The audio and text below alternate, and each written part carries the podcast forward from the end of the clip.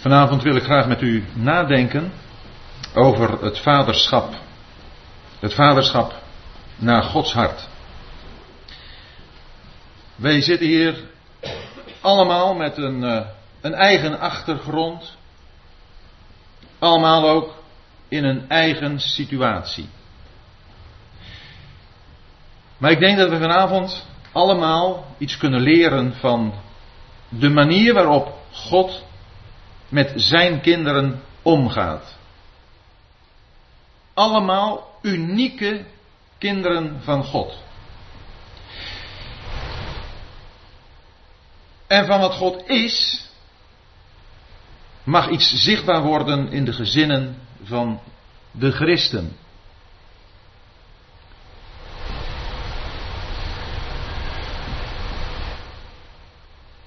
Maar het is niet alleen maar zo dat dit een lezing is die van belang is voor vaders die kinderen hebben.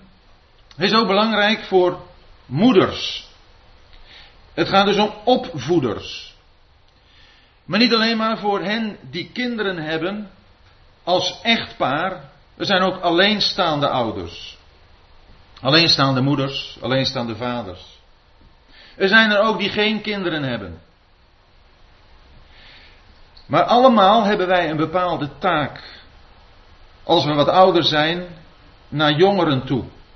Dan zouden we in de geestelijke ouder-kind verhouding kunnen betrokken worden om onze jonge mensen, want de kinderen van mijn broeder en zuster zijn ook mijn kinderen, om onze jonge mensen iets mee te geven. Paulus was niet getrouwd, maar een heleboel kinderen. En hij stelt zich op, en we lezen dat in 1 Thessalonikers 2. In 1 Thessalonikers 2, in vers 7 zegt hij, zo wilden wij Nee, vers 7. Maar wij waren vriendelijk in uw midden, zoals een voedende moeder haar eigen kinderen koestert. En in vers 11. U weet immers hoe wij als een vader zijn eigen kinderen, ieder van u vermaanden en vertroosten. En Johannes, die schrijft in zijn brief, in zijn eerste brief, aan vaders aan jongelingen, aan kinderen. In 1 Johannes 2, vers 13 en 14. En dan hebben we te maken met die geestelijke relatie tussen vaders in Christus, jongelingen in Christus, kinderen in Christus. En dan met name natuurlijk dan de vaders in Christus. Wat ook zusters kunnen zijn, ook ongetrouwde zusters kunnen zijn. En het is fijn dat hier ook jonge mensen zijn. Want de Heer die zal jullie, als Hij nog niet komt, ook een taak geven in de gemeente. Daar kun je nu al in gaan groeien. Daar kun je nu al mee bezig zijn. En een vader, in zijn algemeenheid, maar ook wij allemaal ten opzichte van elkaar, wij geven allemaal een bepaald voorbeeld. Een vader, en daar ga ik me nu toch maar toe beperken, maar het is dus ruimer toepasbaar, maar een vader geeft altijd een beeld af van God de Vader. Of je dat nu wil of niet. En het is een goed voorbeeld of een slecht voorbeeld. Er zijn vaders die zijn dominant. Vaak zul je dan zien dat kinderen ook in hun gedrag dat overnemen. Er zijn vaders die zijn afwezig. Zowel kan dat betekenen niet aanwezig in huis, maar ook wel aanwezig en toch niet betrokken bij wat er gebeurt. En dat zul je ook terugvinden vaak in de kinderen. Er zijn passieve vaders. Ze zijn er wel, zien het ook wel, maar nemen geen actie als er actie genomen moet worden. En zo zijn er verschillende vadertypen. Dat wil niet zeggen dat daarmee, als een vader een bepaald kenmerk heeft, dat automatisch ook op de kinderen overgaat. Want een kind kan vanaf het moment dat hij een eigen relatie met God, met de Heer Jezus heeft, van die hemelse Vader dingen gaan leren. Om te zien hoe uniek, en daar komen we nog over te spreken, hoe waardevol jij bent.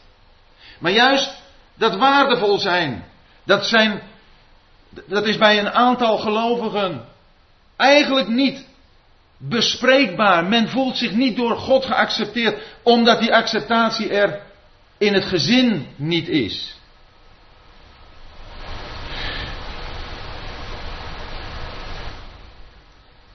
Het uitgangspunt voor mijn lezing is eigenlijk dit. Wat we lezen in Malachi 4. Het is door deze tekst dat ik op mijn hart gekregen heb om deze lezingen zo hier en daar te gaan houden. We lezen in Malachi 4 in het laatste vers, dus het laatste vers van het Oude Testament. Hij, dat is Elia, zal het hart van de vaderen terugvoeren tot de kinderen. En zeker ook het hart van de kinderen tot hun vaderen. Maar dit staat voorop. Hij zal het hart van de vaderen terug doen keren tot de kinderen. En het is opmerkelijk dat dit door Lucas wordt aangehaald in Lucas 1 bij de geboorte van Johannes de Doper. En dan lezen wij in Lucas 1 vers 17 en hij, dat is Johannes de Doper, zal voor hem, dat is de Heer Jezus, uitgaan in de geest en de kracht van Elia, om de harten van de vaders te doen terugkeren tot de kinderen en de ongehoorzamen in de wijsheid van de rechtvaardigen, om de Heer een toegerust volk te bereiden. We kunnen praten over van alles en nog wat. Om een volk te worden wat uitziet naar de komst van de Heer Jezus. Om ons op Hem te richten. Maar als het in de gezinnen, als het in de verhouding tussen ouders en kinderen, tussen vader en kinderen niet goed is, dan zal er geen toegerust volk zijn. Er is niet zoiets als een tweedeling van gemeente zijn en gezin zijn.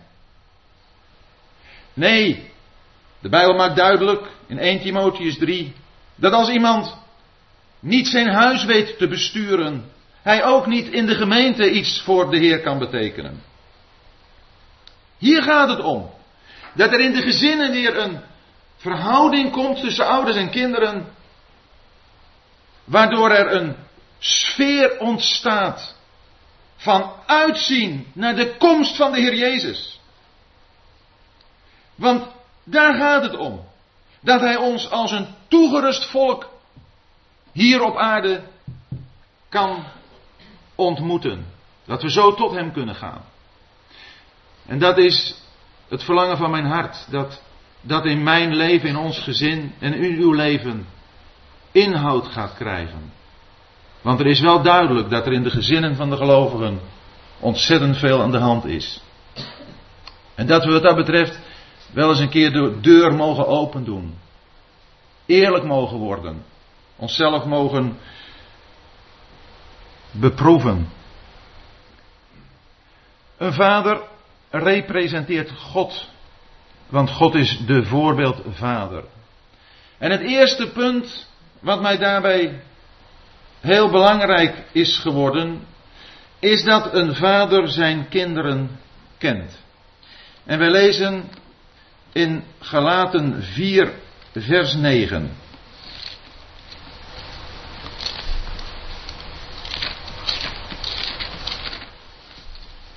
In Galaten 4, vers 9a. En thans nu u God kent, ja nog meer, nu u door God gekend bent. Ja, we zouden zeggen, het is toch geweldig God te kennen. Dat is toch iets, daar gaat nog niets bovenuit. Paulus zegt hier, het is nog meer dat je door God gekend bent. En waarom? Wij zullen nooit God in zijn volheid, in zijn omvang kunnen kennen. Maar God in zijn majesteit, in zijn verhevenheid, kent ons volkomen. Hij weet precies wie u, wie jij bent. Want hij is je schepper, hij heeft je gemaakt. Hij kent je problemen, hij kent je zorgen, hij kent je nood. Hij kent je mogelijkheden. Hij kent je falen. Hij weet precies hoe je bent. Voor hem is er helemaal niets bedekt. En daar gaat het om, als eerste aspect. Hoe kennen wij onze kinderen? Kennen wij onze kinderen? Ik weet van mensen, gelovigen, die het gezegd hebben in wanhoop.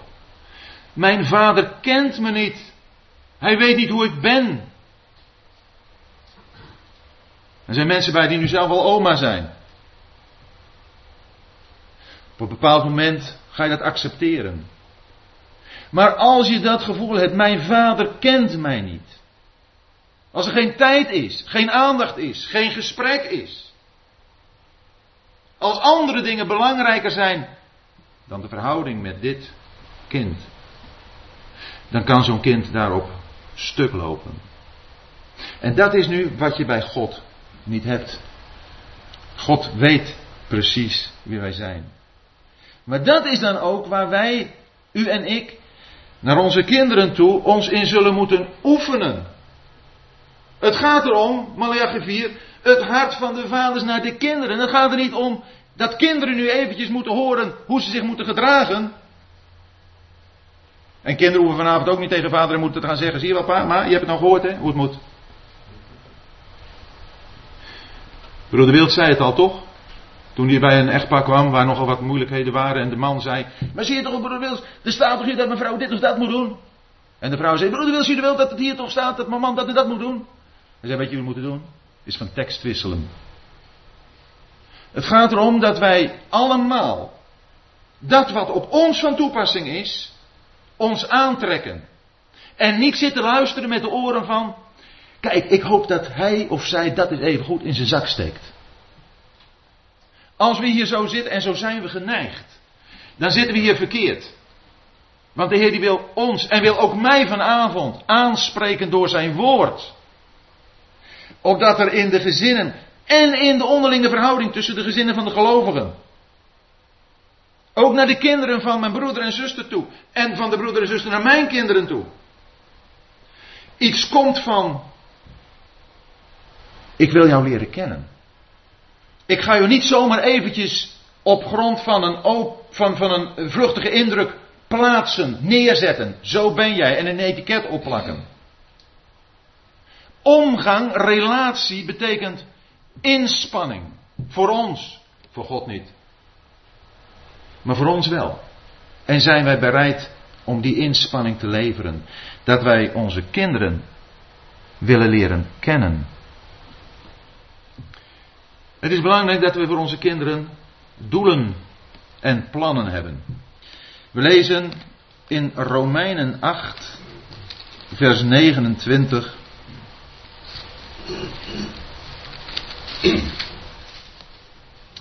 Want hen die hij tevoren heeft gekend, heeft hij ook tevoren bestemd om aan het beeld van zijn zoon gelijkvormig te worden, te zijn, opdat hij de eerstgeborene zou zijn onder vele broeders. Dat zal het uitgangspunt moeten zijn voor ieder die met kinderen te maken heeft. Wat het doel van God is met elk van zijn kinderen is gelijkvormigheid aan zijn zoon Christus. En wij mogen het niet met minder doen. Het gaat erom dat onze kinderen op de Heer Jezus gaan lijken. En niet op elkaar. Het is dodelijk voor een kind als hij hoort. Als je toch maar eens een beetje meer was als je zus. Als je toch maar eens een beetje meer op je broer leek. Had je toch maar weer wat van die eigenschappen. Dan schrijven ze ook kind gelijk af. Het gaat erom dat wij onze kinderen in dat wat ze zijn accepteren, waarderen en die opvoeding geven naar de manier waarop God dat kind gemaakt heeft. Onze kinderen zijn er niet om aan onze behoeften te beantwoorden, om aan onze idealen die te bereiken. Onze kinderen zijn er opdat zij gaan lijken op de Heer Jezus. En ik denk dat het belangrijk is dat wij allemaal zo naar onze kinderen kijken. Onze eigen lijfelijke kinderen, maar ook de kinderen van elkaar. Daar gaat het om. En daar zal onze zorg, als het goed is, naar uitgaan. Maar voor de vorming hebben wij opdrachten voor deze kinderen.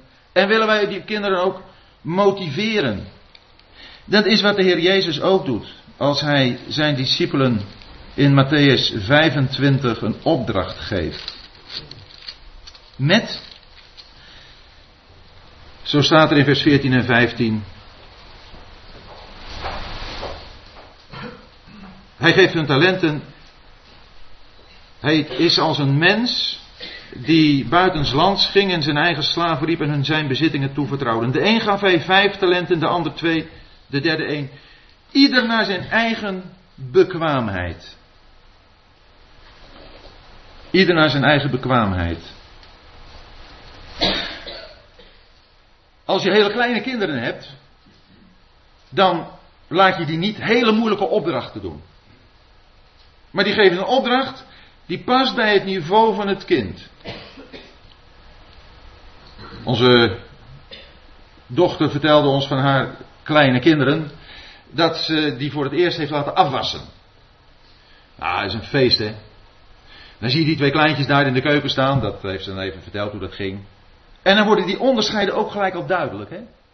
De ene, die pakt dan een lepel. En die legt ze in een doek. En dan gaat ze die doek opvouwen. En dan wordt er een beetje heen en weer gepoetst. En de andere die pakt die lepel en die zwaait er een beetje met die doek overheen en die smijt hem zo weg. Dat is al het verschil van aanleg. Maar ga je nu tegen de kinderen zeggen van joh, dit, moet jij, eh, dit heb je niet goed gedaan. Jij doet het te langzaam en jij doet het slecht. Nee, jullie zegt tegen allebei jongens, heb je leuk gedaan. Goed gedaan. Dat ga je motiveren. En dat ze dan de keuken een klein beetje onder het sop smijten. Wat geef je daaraan? Ah, doe het er gewoon even een keer mee. Die kinderen zijn toch belangrijker dan de spullen waarmee we leven? Ons huis is er toch voor? Moeten we daar betreft een beetje ook ontspannen daarmee om kunnen gaan? Ieder kind, naar de eigen bekwaamheid, geef je een opdracht. Dat doe je met oudere kinderen weer op een andere manier. En je motiveert ze in dat waarin ze goed zijn. Laat ze het maar eens uitproberen. En terwijl ze zo met elkaar omgaan, leren wij die kinderen ook sociaal gedrag. We lezen in Romeinen 15, vers 7.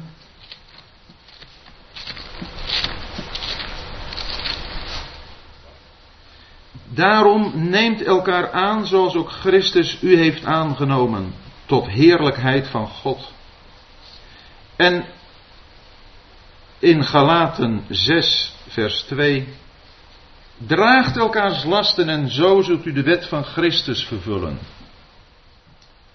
Even bij dat voorbeeldje blijvend. De een doet het wat langzaam en de ander doet het wat snel. En die snelle die kan zeggen, joh, moet ik doe veel meer dan jij doet. Ja, maar zegt hij die langzaam, ik doe het beter dan jij doet. En om dan nu op elkaar te laten afstemmen. Om daarin te leren hoe ze met elkaar kunnen omgaan. Die wat langzamer van karakter is, die moet je niet gaan activeren tot een tempo wat ze niet kan halen. En die wat sneller is, kun je zeggen, joh, jij bent een prachtige aanvulling hierin. Hoe gaan wij onze kinderen dat leren? Dan moeten we ze in de gezinnen leren. Want anders zullen ze in de samenkomst, in de gemeente komen. En leeft ieder gewoon voor zichzelf. En zullen ze ook niet zo vlug zien, hé, hey, hij of zij heeft iets nodig. Daar kan ik misschien behulpzaam in zijn. Het is ook moeilijk om je te laten helpen soms. Je te realiseren, ik heb hulp nodig. En als dan eens iemand naar je toe komt om je eens ergens bij te helpen, dat je dan niet zegt, joh, uh, en dat je daar niet te eigenwijs voor bent. En dat is iets wat we toch in onze gezinnen zouden kunnen leren. Dat ze behulpzaam zijn. Kinderen moeten opdrachten krijgen. Opdat zij een eigen verantwoordelijkheid kunnen leren. En ook opdat zij zich leren, dat zij leren omgaan met anderen.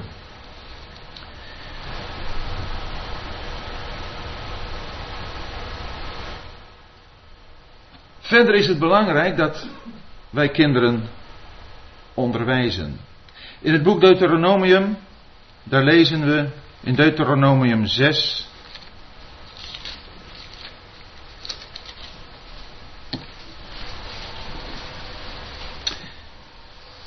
Vers 6 en 7. Wat ik u heden gebied zal in uw hart zijn. Gij zult het uw kinderen inprenten. En daarover spreken wanneer gij in uw huis zit. Wanneer gij onderweg zijt, wanneer gij nederligt en wanneer gij opstaat.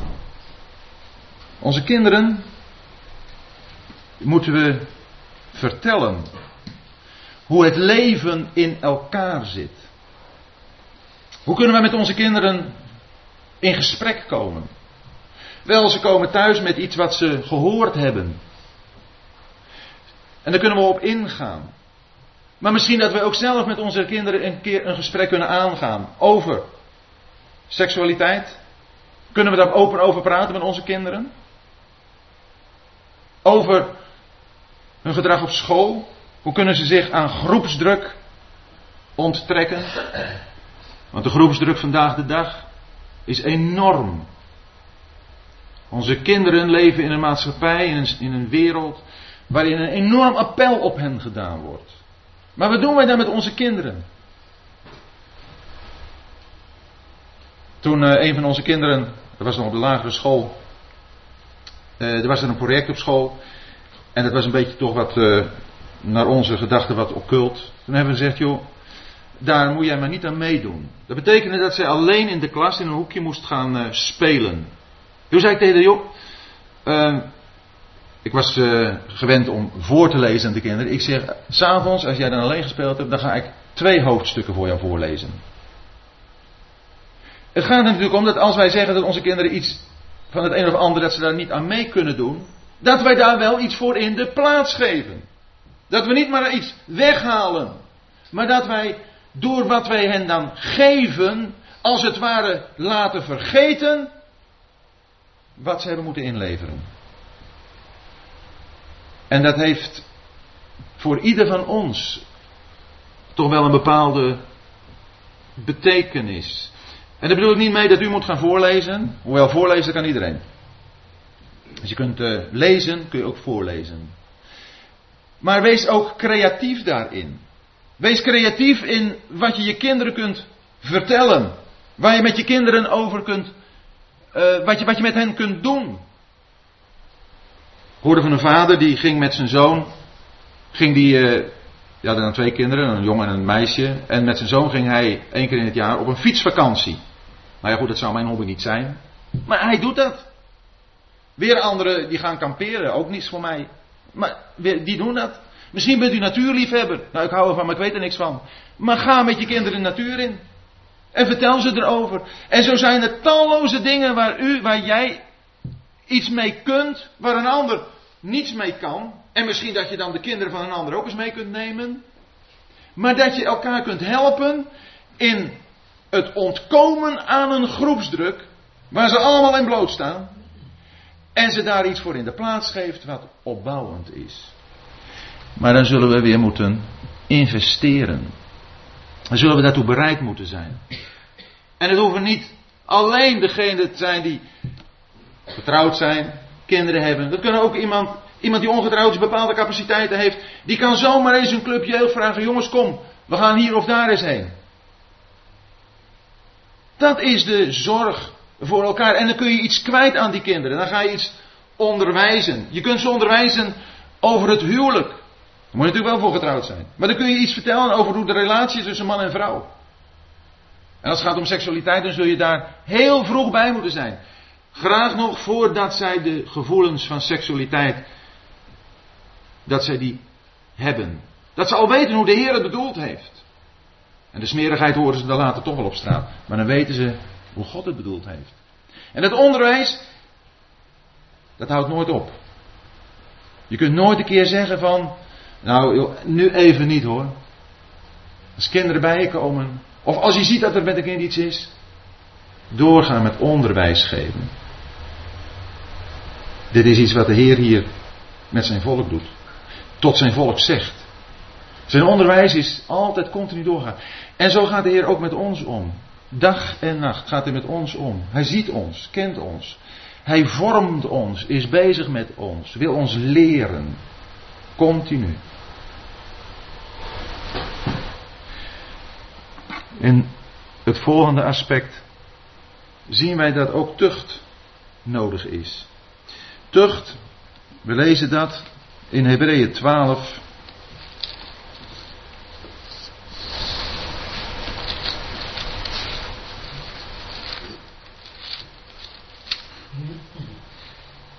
Hebreeën 12, vers 9 en 10. Bovendien, wij hadden de vaders van ons vlees om ons te tuchtigen en we hadden ontzag voor hen. Zullen wij dan niet veel meer aan de vader van de geesten onderworpen zijn en leven? Zij tuchtigen ons wel voor weinige dagen, naar het hun goed dacht, maar hij tot ons nut, opdat wij aan zijn heiligheid deel zouden krijgen. Tuchtigen tot nut. Als wij kinderen tuchtigen, straf geven, dan heeft dat te maken met een gedrag van een kind wat we niet kunnen tolereren. En waarom niet? Omdat het tekort doet aan het doel wat wij hebben, dat een kind gaat lijken op Christus. Iets wat in het leven van een kind naar binnen is gekomen, een handelwijze, een uitspraak, die daarmee in strijd is, dan zullen we dat kind daarvoor moeten tuchtigen. En tuchtigen betekent overigens niet, maar dus een flink pak slaag geven. Ja, het moet een flink pak slaag hebben misschien. Maar dat het in, in overeenstemming is met het vergrijp wat gebeurd is. Dat wij niet van een mug een olifant maken wat dat betreft. En dat hangt vaak af, beste vaders, ook wel eens van ons humeur.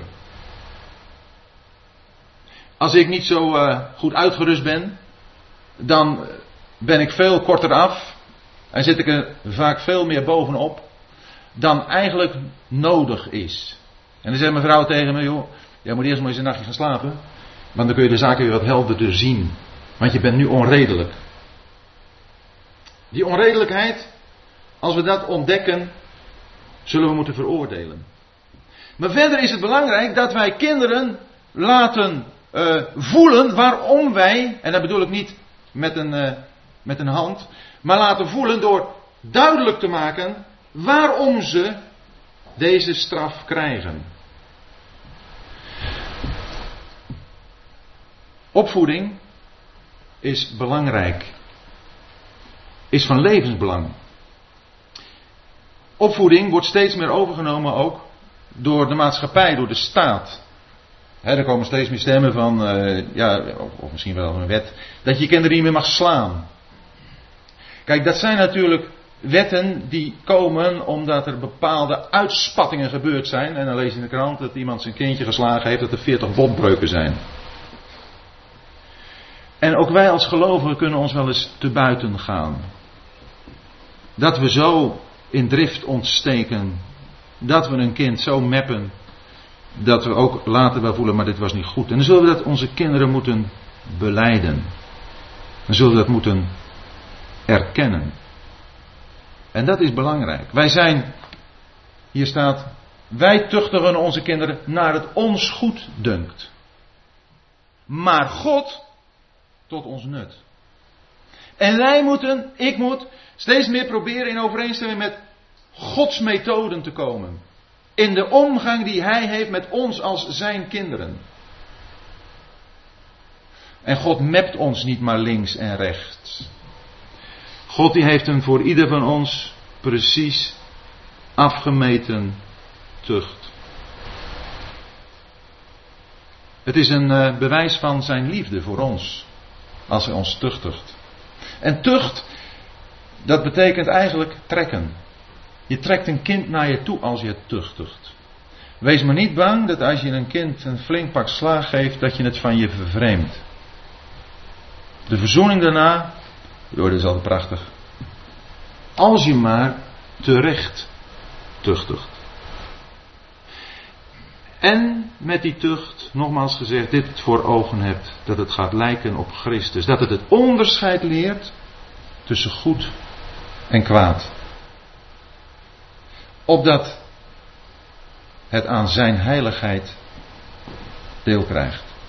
Zoals het ook voor ons betekent. Als de Heer met ons een bepaalde weg gaat, bepaalde dingen in ons leven toelaat. Waarvan we denken van, Heer, waar is dat nou voor nodig? Dan heeft het dit aspect ook. Dat Hij ons steeds meer bij zichzelf wil trekken. En ik weet van broeders, zusters, die grote nood hebben om hun kinderen die een verkeerde weg gaan. Maar die het gezegd hebben. Nee, het is niet een hele fijne weg. Maar het heeft me wel dichter bij de Heer gebracht. De Heer heeft dit nodig gevonden om mij dichter bij Hem te brengen. En dat is wat de Heer zo graag wil. En dat is toch ook wat we met onze kinderen willen. Wij kunnen met onze kinderen niet een verkeerde weg meegaan. Dat doet God ook nooit. Kinderen moeten soms voor hun eigen verantwoordelijkheden de gevolgen zeker ondergaan. Zo heeft God met Adam, zo is God ook met Adam omgegaan. Heeft Adam een bepaalde verantwoordelijkheid gegeven met de mogelijkheid van een verkeerde keus. Dat wist God. En de vader van die twee zonen heeft ook tegen de jongste gezegd dat hij alles kon krijgen wat hij wilde hebben. En die ging de jongste. Hij heeft hem niet tegengehouden.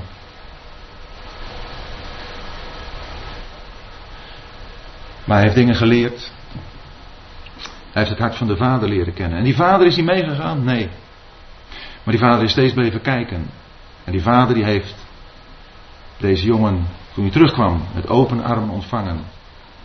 Niet vol verwijt, jongen, wat heb je allemaal gedaan? Of wat stink je?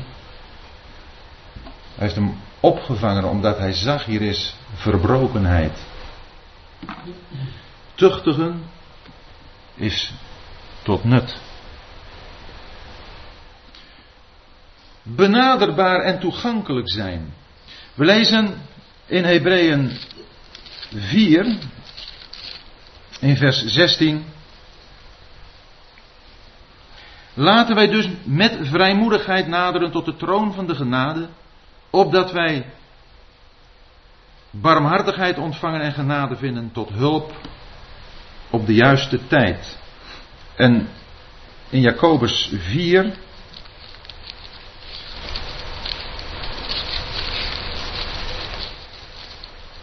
Jacobus 4,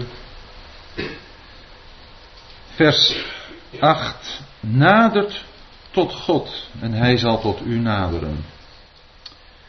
Benaderbaar, toegankelijk.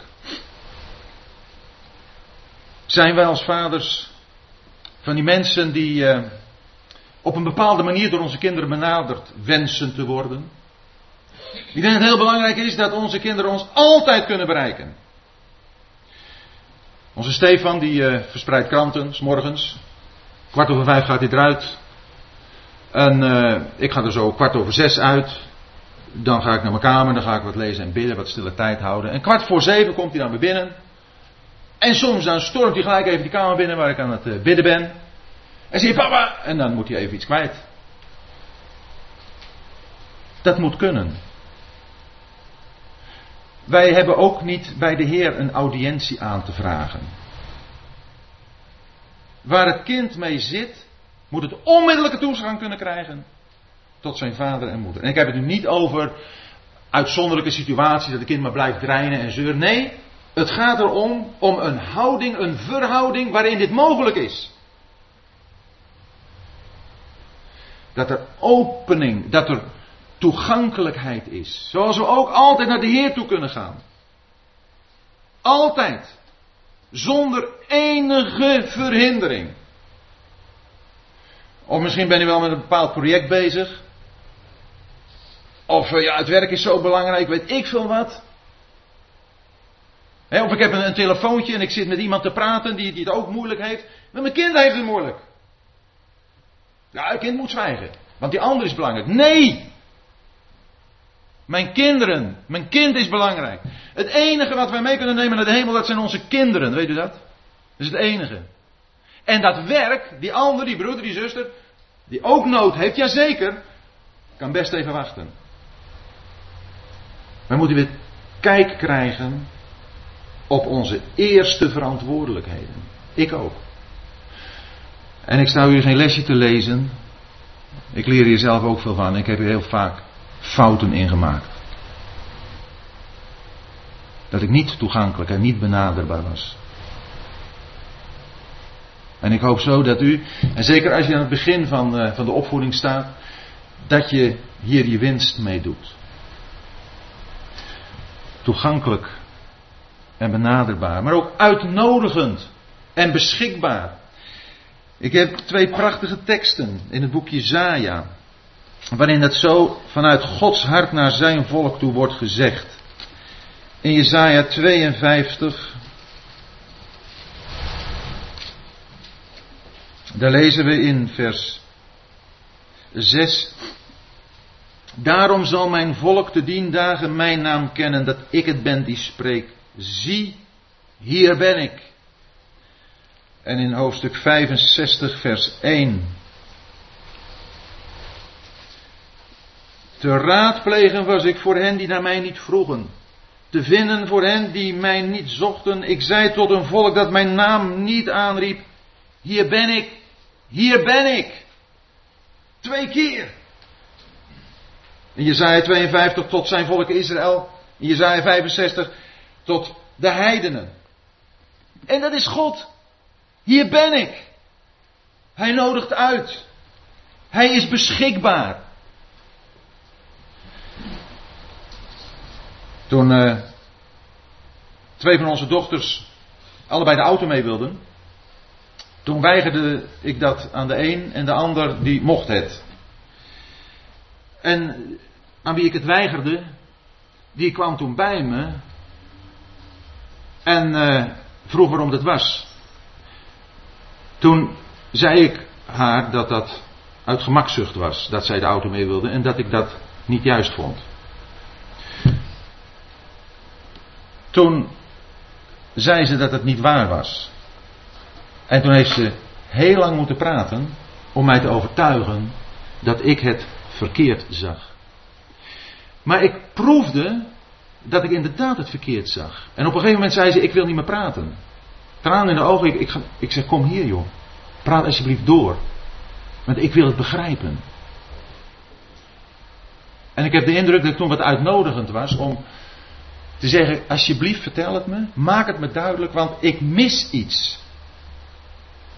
En broeders, zusters, vaders, het is niet moeilijk, niet, niet, uh, niet erg om te zeggen: ik, ik mis iets. Ik, ik voel dat je gelijk hebt, maar ik, ik pak het nog niet. Ik hoop dat we zo uitnodigend, en zo ben ik niet altijd hoor. Maar ik hoop dat we zo uitnodigend zijn dat onze kinderen door durven blijven gaan. En dat ze niet op ons stuk lopen. Dat ik niet de patriarch van de familie ben die het beslist en altijd alleen maar goed zie. Vaak natuurlijk wel. Maar niet altijd. En dan is het zo belangrijk dat we een verhouding hebben, dat onze kinderen bij ons kunnen komen, dat ze voelen, maar ik moet doorgaan nu. Ik, ik wil het, papa of mama, duidelijk maken wat er werkelijk aan de hand is. En dat is belangrijk, dat wij zo uitnodigend en ook beschikbaar zijn.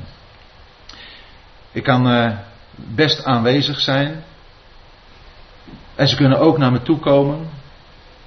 Maar toch ben ik niet aanwezig. En het gebeurt echt best wel eens heel regelmatig aan tafel. Of als we koffie zitten drinken of zo. Dan mevrouw zegt, hey, kom eens even erbij. Dan zit ik een beetje naar buiten te kijken. En dan hou ik met mijn gedachten bezig. Oh ja, dan ben ik er weer. Weet je wel. Hebben die kinderen ook wel eens. En dan geef ik een antwoord en zeg papa, u heeft helemaal niet gehoord wat ik gezegd heb.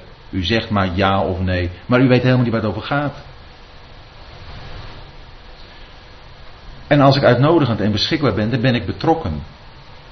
En dat is toch wat we willen? Dat onze kinderen zien dat we op hen betrokken zijn. En dat we kunnen zeggen, hier ben ik, hier ben ik voor jou. Een vader bemoedigt zijn kinderen. En dat is in de eerste plaats door hen onvoorwaardelijk lief te hebben. En ik vind het een. Uh, Hosea 11, dat, dat daar een geweldig mooi voorbeeld van geeft hoe God zijn volk lief heeft. In Hosea 11, vers 1 tot 4. Toen Israël een kind was, heb ik het lief gehad en uit Egypte heb ik mijn zoon geroepen. Hoe meer men hen riep, des te meer dwaalden zij weg.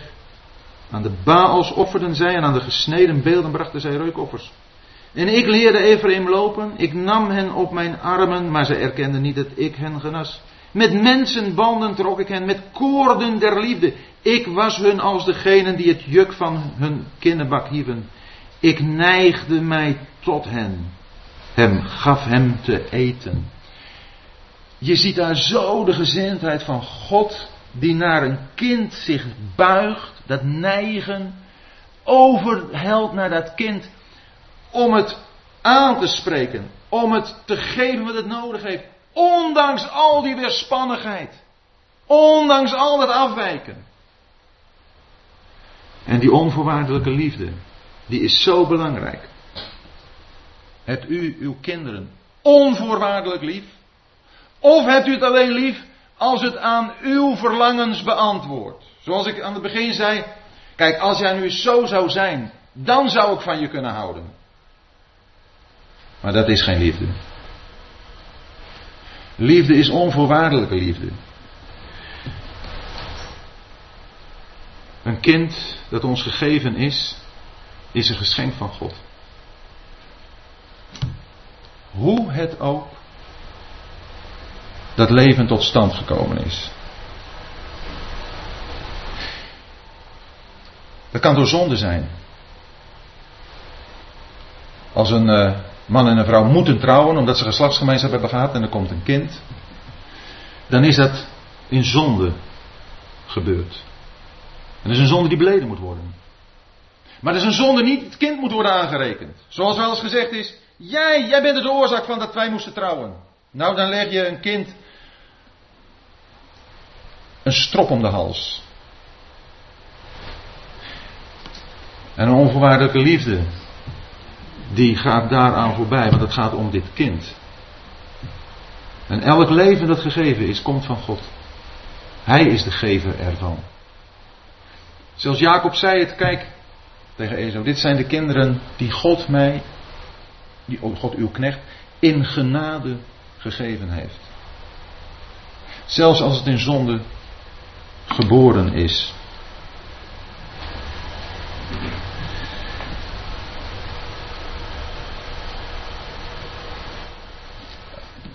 Een vader bidt, zoals Job dat deed.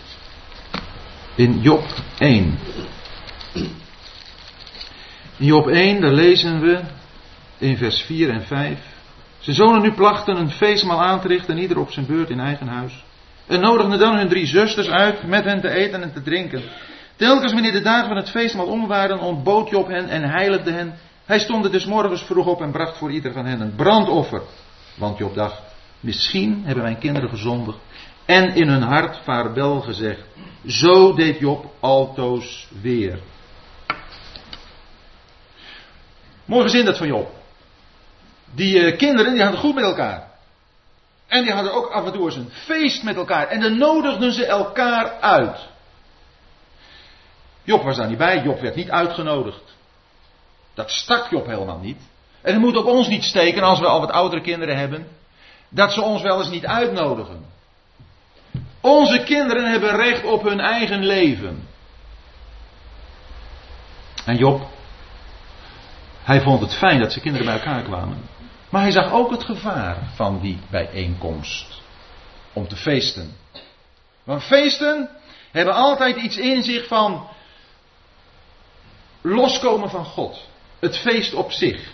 Daarom staat er ook in Prediker: het is beter te zijn om in het huis van rouw dan in een huis van feestgelach.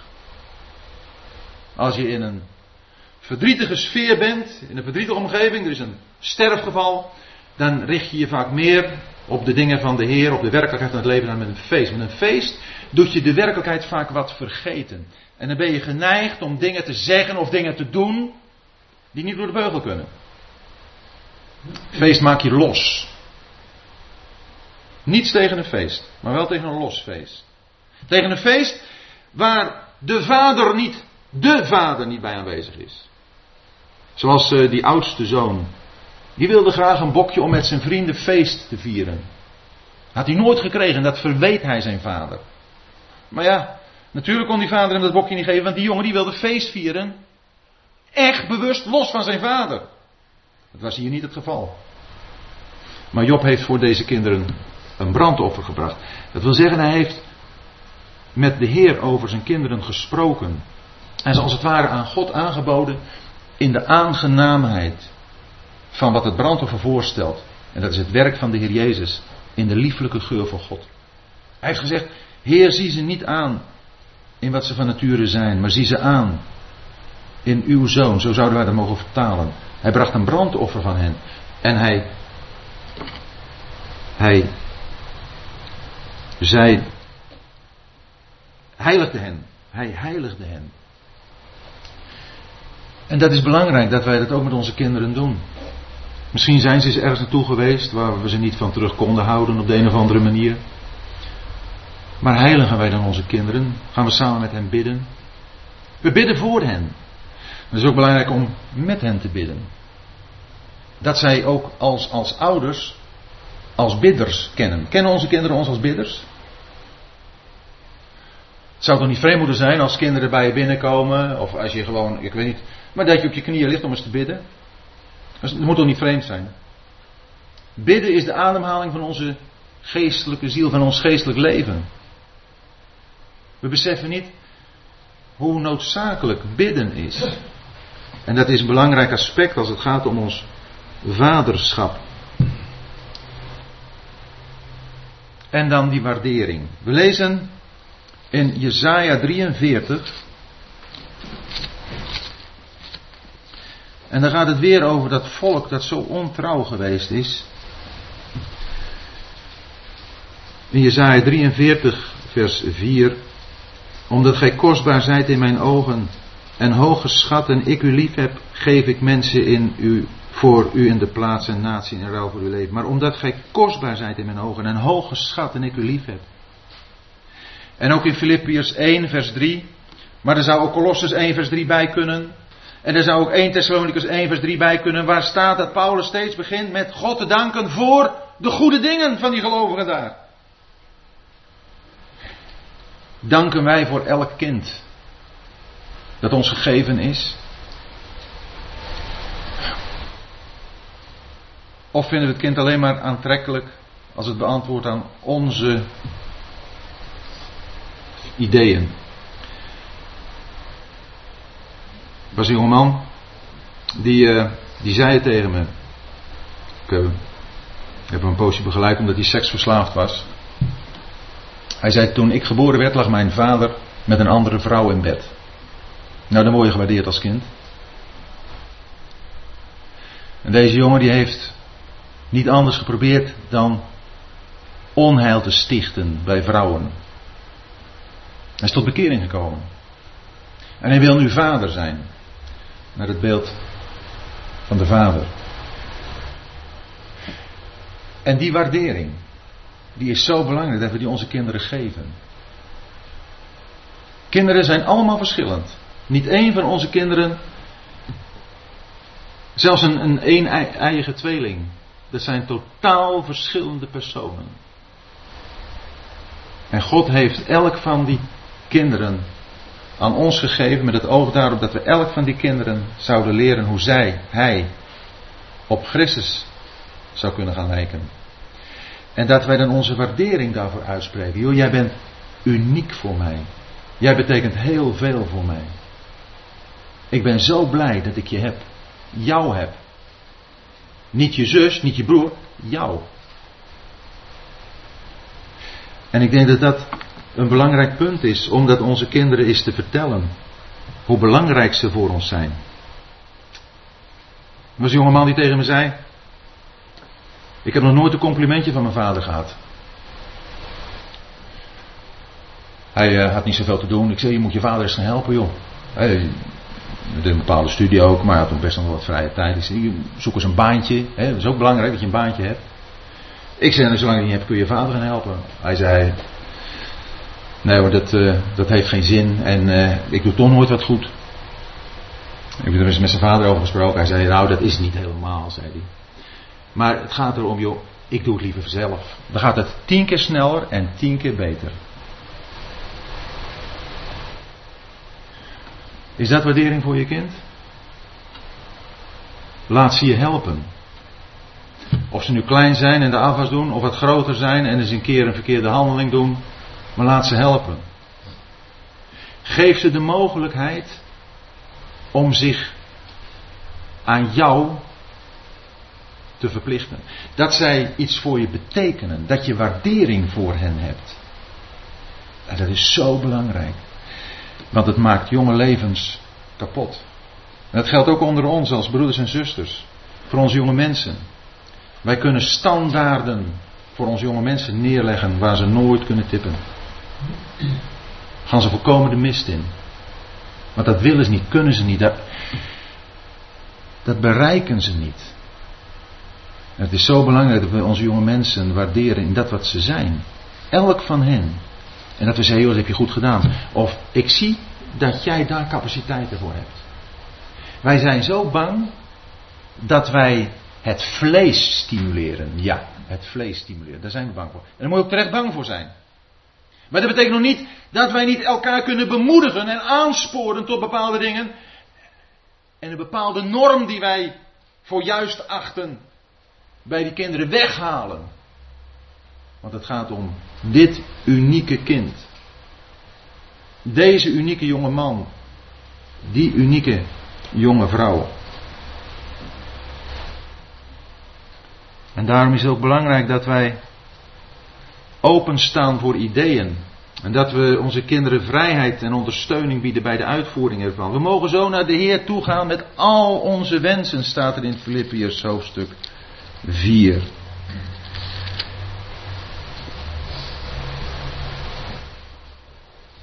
Wees er niets bezorgd, maar laat in alles door gebed en smeking met dankzegging uw verlangens bekend worden bij God in vers 6. Zo mogen wij alle dingen tegen de Heer zeggen. Alles. Kunnen onze kinderen ook zo tegen ons alles zeggen? Ik weet niet, dat, uh, misschien herkent u dat, misschien niet. Maar als de folders door de brievenbus komen. Dan gaan die, uh, die kinderen gaan zitten kijken. Joh, nou, dit zou ik wel willen hebben. Dat lijkt me leuk zeg. En allemaal van die, van die dingetjes. Nou ja, als je er nou gelijk smoort. Zeg, jongen, dat is allemaal helemaal niks jongen. Weg ermee. Of je zegt, nou. Ja, ga maar eens even kijken jongen. Ga daar eens even kijken. Daar eens even kijken. Even een beetje prijsjes vergelijken. Nou, laat ze maar eens even lopen, dan zijn ze ook op een beu. Maar, uh, en misschien miskopen ze zich een keer. En laten ze alsjeblieft zelf betalen. U bent niet goed bezig als u uw kinderen van alles geeft waar ze om vragen. En het ze ook nog, dat, dat je ook nog zelf betaalt. En dan heb ik niet over de noodzakelijke dingen. Maar het gaat juist om die dingetjes die, ja, die een vriendje heeft of zo. Het is niet altijd verkeerd. Maar het is lang niet altijd goed. Als wij onze kinderen naartoe gestaan alles te kopen wat ze wilden hebben, nou dan hadden we een huis dat eh, veel te klein was nu. Hadden we grotere schuren moeten bouwen om al onze dingen in te verzamelen. Maar het gaat erom dat onze kinderen vrijheid hebben om iets te onderzoeken. En als zij iets, een bepaald project hebben, dat wij ook de vrijheid geven om dat uit te proberen. En dan gaan ze misschien maar eens een keer op een vinger slaan of nog eens een keer, ze miskopen zich. Maar dat is allemaal niet zo, en dat is allemaal lesgeld. Maar laat ze het doen. Staan wij ook open voor de gevoelens van nood en angst. van onze kinderen? Of zijn wij van die mensen die zeggen, jongens huilen niet? En vrouwen, dan allemaal vrouwentranen. Nee. Kinderen hebben nood en angst. En ik vind het heel belangrijk dat we onze kinderen daarin serieus nemen. En dat begint al heel jong. Als ze s'avonds, s'nachts in bed liggen en, en ze dromen een beetje naar en, en allemaal van vreemde enge mannetjes en zo. En, en je komt er en je zegt, hou, nou alsjeblieft op jongen, bestaat helemaal niet. Voor het kind bestaat het op dat moment wel. En weet je wat je dan doet? Dan pak je zo'n mannetje in zijn nek en dan geef je een schop en dan gaat de hoogste flat op. En het kind heeft rust. Doe even mee met die fantasie. En ze zullen ook later, als er echte nood en echte, echte angst is, bij je kunnen komen omdat je hen serieus neemt. Zo beleven ze het. Ik betekent, het zegt niet dat je er helemaal in moet meegaan, maar neem het naar zijn ware aard, die het op dat moment voor dat kind heeft. En ik denk dat wij te vaak, ik ook, ongevoelig ben geweest voor de beleving van iets. Ik ben nogal vrij rationeel ingesteld, verstandelijk ingesteld. En van mij hoeven ook een heleboel dingen niet. Daar heb ik ook helemaal geen last van. Maar ik hoop wel een beetje geleerd en ik moet nog steeds meer leren. Om te luisteren naar wat iemand in zijn hart heeft aan gevoelens, aan nood, aan angst. En wij kunnen niet alle nood, dat we de, elke tekst als een pleister erop plakken en zeggen, jongen, dat hoeft niet, want dit staat daar. En dat hoeft niet, want dat staat daar. Daar helpen we elkaar niet mee. Nee, daar hangen we alleen elkaar een molensteen om de hals. Want ik beleef het niet zo. En ik weet dat het moet, het staat toch in de Bijbel. Of misschien moeten we hier wel eens een keer zeggen, waarom ben je zo angstig, kleingelovige? Dat kan best. Maar de Heer heeft ook vaak dat Hij ons tegemoet komt. En dat Hij ons wil vertroosten. Dat Hij ons wil helpen. En ik denk dat dat voor onze kinderen zo belangrijk is. Het is in het gebed gezegd. En het is ook in mijn hart dat we leven in een koude, in een vijandige wereld. Waar de warmte en geborgenheid niet gevonden wordt. En als onze kinderen dat niet bij ons kunnen vinden, ook in elkaars gezinnen, dan jagen, ze, we ze de kou in. Waar mensen met een surrogaatwarmte wel raad met hen weten. Onze kinderen laten we ze koesteren. Juist ook als er die angstgevoelens en nood daar zijn. Oh, gaat eruit. Ik heb een opdracht voor mezelf, voor u. Een lijst met aspecten waarbij je zou kunnen zeggen van dat zijn dingen, daar kan ik toch wel wat in verbeteren. Hoe is je voorbeeld bij het gebed? Ik heb er al even iets over gezegd. Kennen onze kinderen ons als bidders? Bidden we voor hen? Bidden we met hen? Hoe is ons voorbeeld bij Bijbellezen en Bijbelstudie? Bijbelstudie is niet alleen maar iets voor intellectuelen. Bijbelstudie is een noodzaak voor ieder kind van God. Bijbellezen sowieso. Wat stille tijd. De Heer tot je laten spreken. Maar is het een vreemde gewaarwording als onze kinderen binnenkomen en we zitten wat in de Bijbel te lezen? Want de kennis van ons niet. Wij zijn van die mensen die uh, gemakkelijk een romannetje pakken. En natuurlijk tegenwoordig heb je wat uh, romannetjes met bijbelse inhoud. Zelfs met bijbelse personen. Ja, weet je, dat uh, leest wat lekkerder weg. Je hebt ook nieuwe vertalingen. Dat is prettig. Dat is niet zo moeilijk. Maar dat is niet liefde voor het woord. Dan pas je het woord aan aan jezelf. Het zij in romanvorm, het zij in plaatjesboeken, het zij in een moderne vertaling. Dat is niet liefde voor het woord. Onvoorwaardelijke liefde heeft te maken met je aanpassen aan die ander. Als man en vrouw alleen maar liefde hebben voor elkaar als de ander precies beantwoordt aan mijn verlangens, dan is het geen liefde meer van mij als ik mijn vrouw lief heb. Nee, dan heb ik haar lief zoals ik vind dat ze moet zijn. Kun je met de Bijbel ook hebben. Ik hou alleen maar van de Bijbel als die precies beantwoordt aan mijn smaak. En talloze jonge mensen, die vinden zich geweldige Bijbelstudenten en lezen die Bijbel omdat die in zijn moderne vertaling nu gegeven wordt. En van die oude zeggen ze, nee, dat is allemaal niks joh. Ik wil er één aantekening mee maken, want dit deze opmerking maakte ik ook eens elders. Toen kwam er een jonge man bij mij en hebt van die boeken geschreven. En er staat achterop, de, dit boek is het bedoeld als een opstapje naar die wat moeilijkere boeken. Hij zei, zo lees ik een Bijbel, vertaling, nieuw leven geloof ik dat die heette. En ik zag aan zijn ogen en ik hoorde in zijn stem de oprechtheid daarvan. Dus als er iemand is die toch om de een of andere reden bijvoorbeeld het boek leest, dan veroordeel ik dat hiermee niet. Het gaat mij wel om de gemakzucht die jongeren in het algemeen kenmerkt. Om dat gemakkelijkere te nemen. Blijft natuurlijk wel zo dat ook zo'n jonge man die oprecht is, heb ik ook gezegd, natuurlijk toch wel naar de Bijbel toe moet. Want het woord van God is het woord van God. En niet een aftreksel ervan. Waar je best eens wat als stichtelijke lectuur aan kunt hebben. Maar het woord van God. En dat moet bestudeerd worden door broeders en zusters. Ook een zuster, als het goed is, is een Bijbelstudent. Is bezig met het woord van God, leest daarover, graaft daarin. Natuurlijk allemaal naar de eigen capaciteiten. En ga niet je met een ander vergelijken die misschien wat meer tijd daarvoor heeft. Misschien ook wat meer intellectuele vermogens heeft. Dan gaat het niet om, het gaat om ons hart. En als ons hart daarmee bezig is, dan zullen onze kinderen dat zien. Hoe is ons voorbeeld bij Bijbellezen? Hebben wij het woord van God lief? Hebben we het, zoals Jeremia er gezegd, zo vaak ik uw woorden gevonden heb, heb ik ze opgegeten? Daarin kunnen we een voorbeeld zijn voor onze kinderen. En hoe is een voorbeeld bij de trouw aan God als het gaat in het werk? Hoe doen wij ons werk? Doen we dat in trouw voor de Heer? Of lopen we de kantjes eraf? Of willen we populair zijn bij onze collega's? Werk is belangrijk. Elk werk. Wat voor werk het ook is. En ieder van ons heeft een werk te doen. Of het nu thuis is, in de opvoeding van de kinderen, in de huishouding. Op welk ander terrein dan ook. Elk werk is van grote betekenis. Hoe is onze trouw aan God in de gemeente? Zien onze kinderen dat we graag naar de gemeente gaan? Dat we werkelijk graag bij de Heer, bij de broeders en zusters zijn?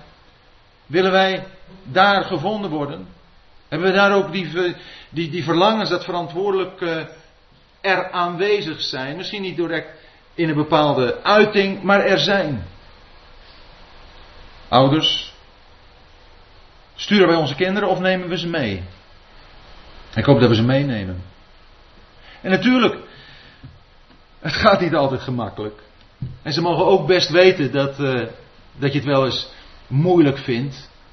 En dat je er wel eens toe moet zetten. Dat het ook altijd maar fluitend is dat je naar de samenkomst gaat. Oh nee. Laten we daarin ook maar eens eerlijk zijn. Het is best wel eens pittig. En als je weet dat er sommigen zijn die nauwelijks komen, dat is ook niet echt bemoedigend. En zelfs zet je je maar in. Geef het maar eens toe.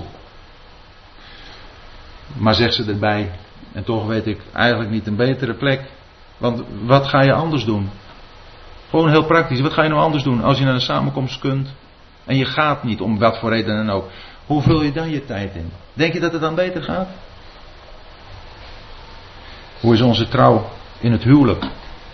Hoe zien onze kinderen dat we als man en vrouw met elkaar omgaan? Ben ik als man man en als vrouw vrouw? Vullen we elkaar aan? Zien ze de liefde? Ook als er best wel eens ruzie is, oneenigheid. Mijn vrouw en heb ik in het begin van het huwelijk heel wat oneenigheid gehad. Heel wat. Kinderen hebben altijd gevoeld dat dat niet een bepaalde spanning gaf van oeh, oeh, nou gaat papa maar over elkaar. Want de sfeer van liefde bleef. Het gaat er niet om dat je niet in oneenigheid kunt zijn. Dat je elkaar niet begrijpt en dat je nodig hebt om, om misschien wel eens een halve nacht door te praten over een bepaald punt. Daar gaat het helemaal niet om. Maar dat ze zien, papa, maar houden van elkaar. Juist ook als er wel eens oneenigheid is. Dat heeft bij de kinderen geen negatieve, uh, geen negatieve gevoelens bewerkt. Hoe is het bij de overgave aan God van geld? Hoe gaan we met ons geld om? Leren wij onze kinderen geven? Als we zakgeld geven, dat ze daar iets van afzonderen voor de Heer? Leren we onze kinderen geven als ze iets zelf verdiend hebben? Dat ze daarvan afzonderen voor de Heer? Vereer de Heer met de eersteling van al uw inkomsten. En als ze een bedrag willen weten, dan zeggen we gewoon 10%. Kinderen zijn onder een tuchtmeester. Dat is helemaal niet verkeerd om een duidelijk richtbedrag te aan te geven. Voor ons christenen betekent dat natuurlijk dat als Israël al 10% moest geven, het voor ons niet wil zeggen van nou dan hoeven wij dat niet. Nee, het gaat er helemaal niet om wat wij wel of niet mogen. Het gaat erom, al ons geld is van de Heer en wij vragen nu aan de Heer, Heer, hoeveel maken ervan gebruiken voor mezelf?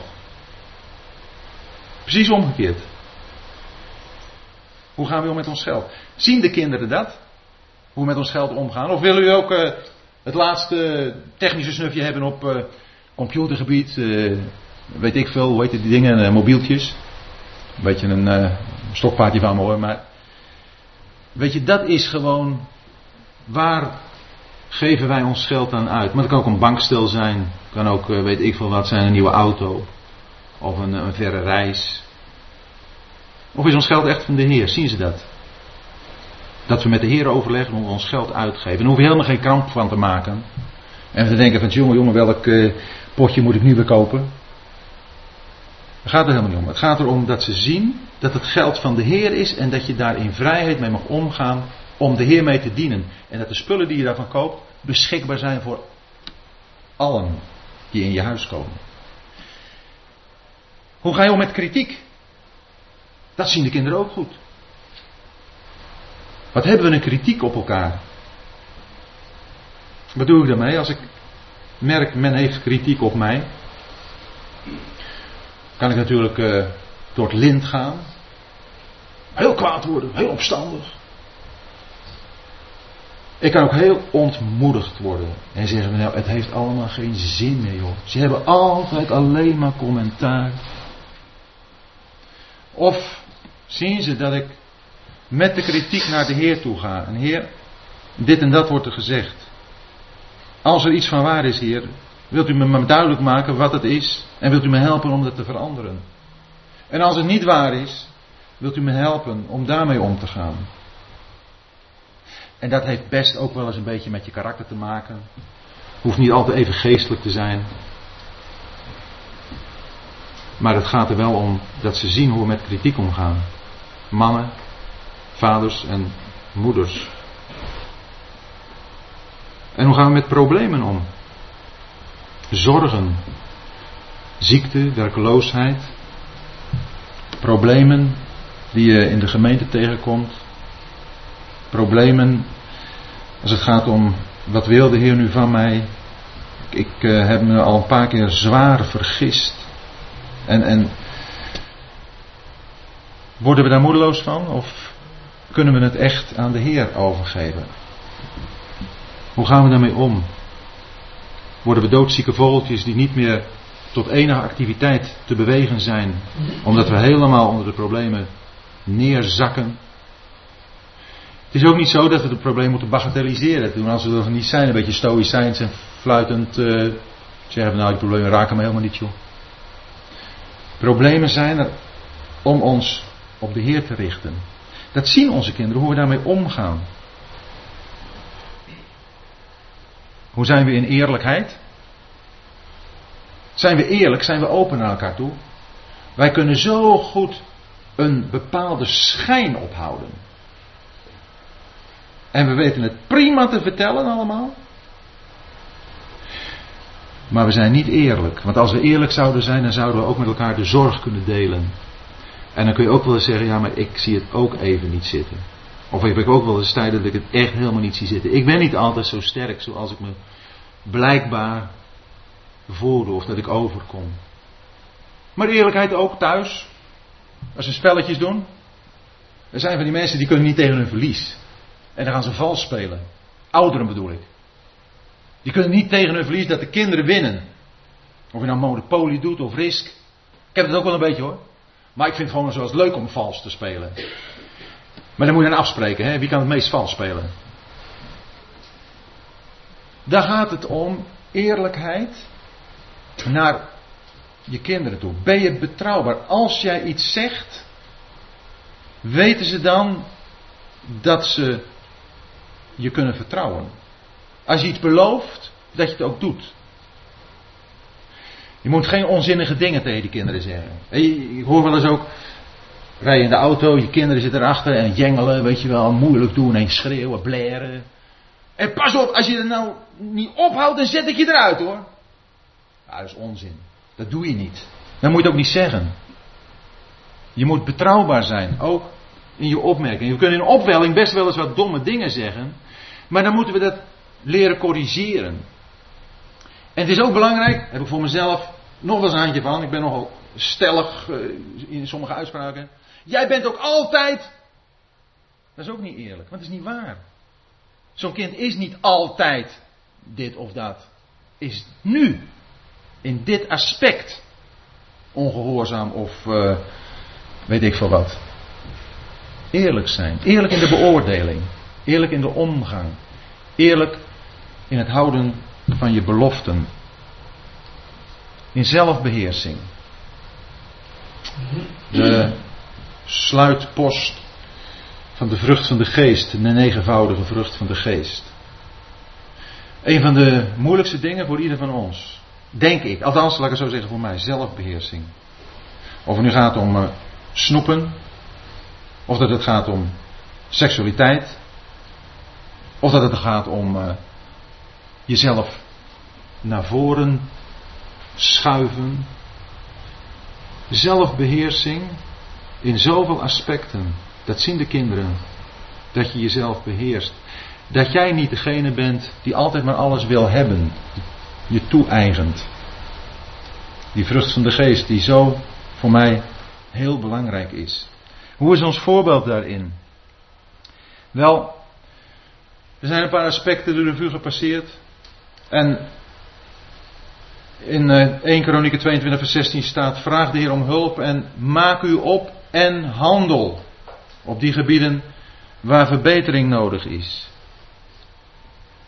En staat er dan in Kronieken 22 vers 16 verder: De Heer zij met u. Dat is, dat is een wens van mijn hart dat de Heer met u zal zijn hierin. Tot hiertoe had ik deze PowerPoint klaar. Nadat ik uh, die op een andere plaats gehouden heb, heb ik me gerealiseerd er ontbreekt iets. En dat is dat ik me realiseer dat er heel veel boven kan komen in harten van gelovigen nu. Dat er veel kan zijn waarvan je zegt van ja maar luister, ik heb gefaald. Is er nog een weg terug? Het is belangrijk dat we met deze dingen ook elkaar kunnen dienen en helpen en bemoedigen. En ik dacht in dit verband aan Psalm 103. En dat wil ik u nog graag voorlezen. In Psalm 103.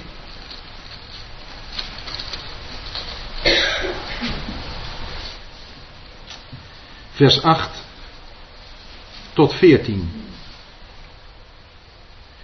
Barmhartig en genadig is de Heer, langmoedig en rijk aan goedertierenheid. Niet altoos blijft hij twisten, niet eeuwig zal hij torenen. Hij doet ons niet naar onze zonden en vergeldt ons niet naar onze ongerechtigheden. Maar zo hoog de hemel is boven de aarde, zo machtig is zijn goede tierenheid over wie hem vrezen. Zover het oosten is van het westen, zover doet hij onze overtredingen van ons. Gelijk zich een vader ontfermt over zijn kinderen, ontfermt zich de Heer over wie hem vrezen. Want hij weet, wat maaksel wij zijn, gedachtig dat wij stof zijn. Jacobus zegt, wij struikelen alle in velerlei opzicht. Niemand van ons kan zeggen, ik heb het perfect gedaan. Ik heb volkomen beantwoord aan het beeld van God de Vader. Maar het is daar waar wij weten, hier heb ik gefaald, dat wij ons naar de Heer toe daarover zullen moeten uitspreken. Dat moeten beleiden, erkennen. Ook naar onze kinderen toe. Dat we onze kinderen zeggen, joh, ik ben hierin fout geweest. Ik heb je niet begrepen. Er kunnen zonden aan ten grondslag liggen. Er kan ook een onvermogen aan ten grondslag liggen. Niet alle falen is het gevolg van zonden. We zijn zo beperkt. Maar één ding weet ik wel. De kinderen die God u gegeven heeft, heeft Hij u gegeven omdat u alleen die kon opvoeden. En ook om u daardoor op te voeden. En om vanavond te zeggen dat Hij zo graag wil dat ons hart, het hart van ons ouderen, weer eens teruggevoerd zal worden tot de kinderen. En dat we zien wat onze kinderen nodig hebben. Het is een heel ander aspect. Maar ook na een lezing hierover kwam zijn een, een jonge zuster die door haar vader misbruikt is. Ja, wat moet hij voor een vaderbeeld hebben? Is er ook iets voor kinderen? Ik heb in het begin gezegd, kinderen die om welke reden, door welke oorzaak ook, in hun aardse vader een beeld hebben van God, waardoor ze zeggen nee. Die God, als dat God zou moeten zijn, wil ik er niets mee te maken hebben. Die kinderen, die mogen moed vatten, want God is er als vader ook voor jou. Hij is een vader van de wezen. Misschien ben je dan in dat opzicht een wees, maar hij is een vader. En hij wil zo graag een vader zijn. En maar wij als aardse vaders hebben gefaald. Kinderen, daar is daar een vader in de hemel. Die toch zo graag een relatie met jou wil hebben. En wil laten zien. En wil laten voelen. Wat een vader is. En hij wil zijn armen om jou heen slaan.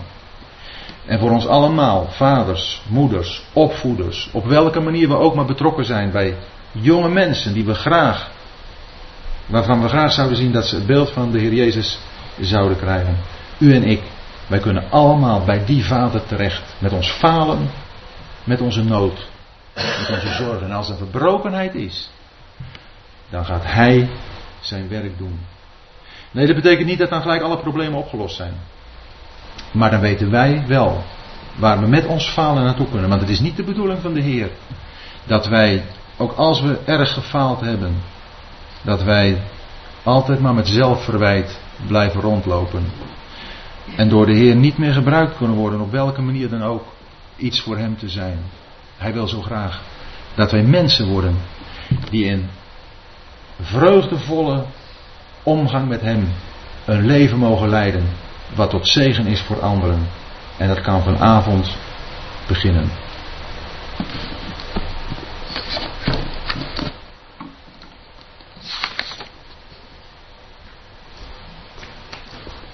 Oh ja, nog even dit. Uh, als u uh, hierover is, ook met mij, maar ook met, met anderen, maar met mij zou willen praten of mailen, dan kunt u dat doen naar dit adres. Want ik heb daar uh, op staan, de Heer zijn met u, maar we zijn ook elkaar gegeven. Schroom niet om contact op te nemen.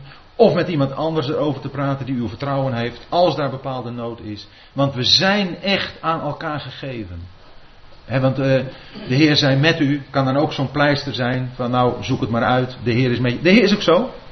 Maar we zijn ook elkaar gegeven. Zoals een zuster me zei, het is zo fijn als je iemand hebt met wie je kunt praten en die je begrijpt. Doe dat. Het is slechts een uitnodiging.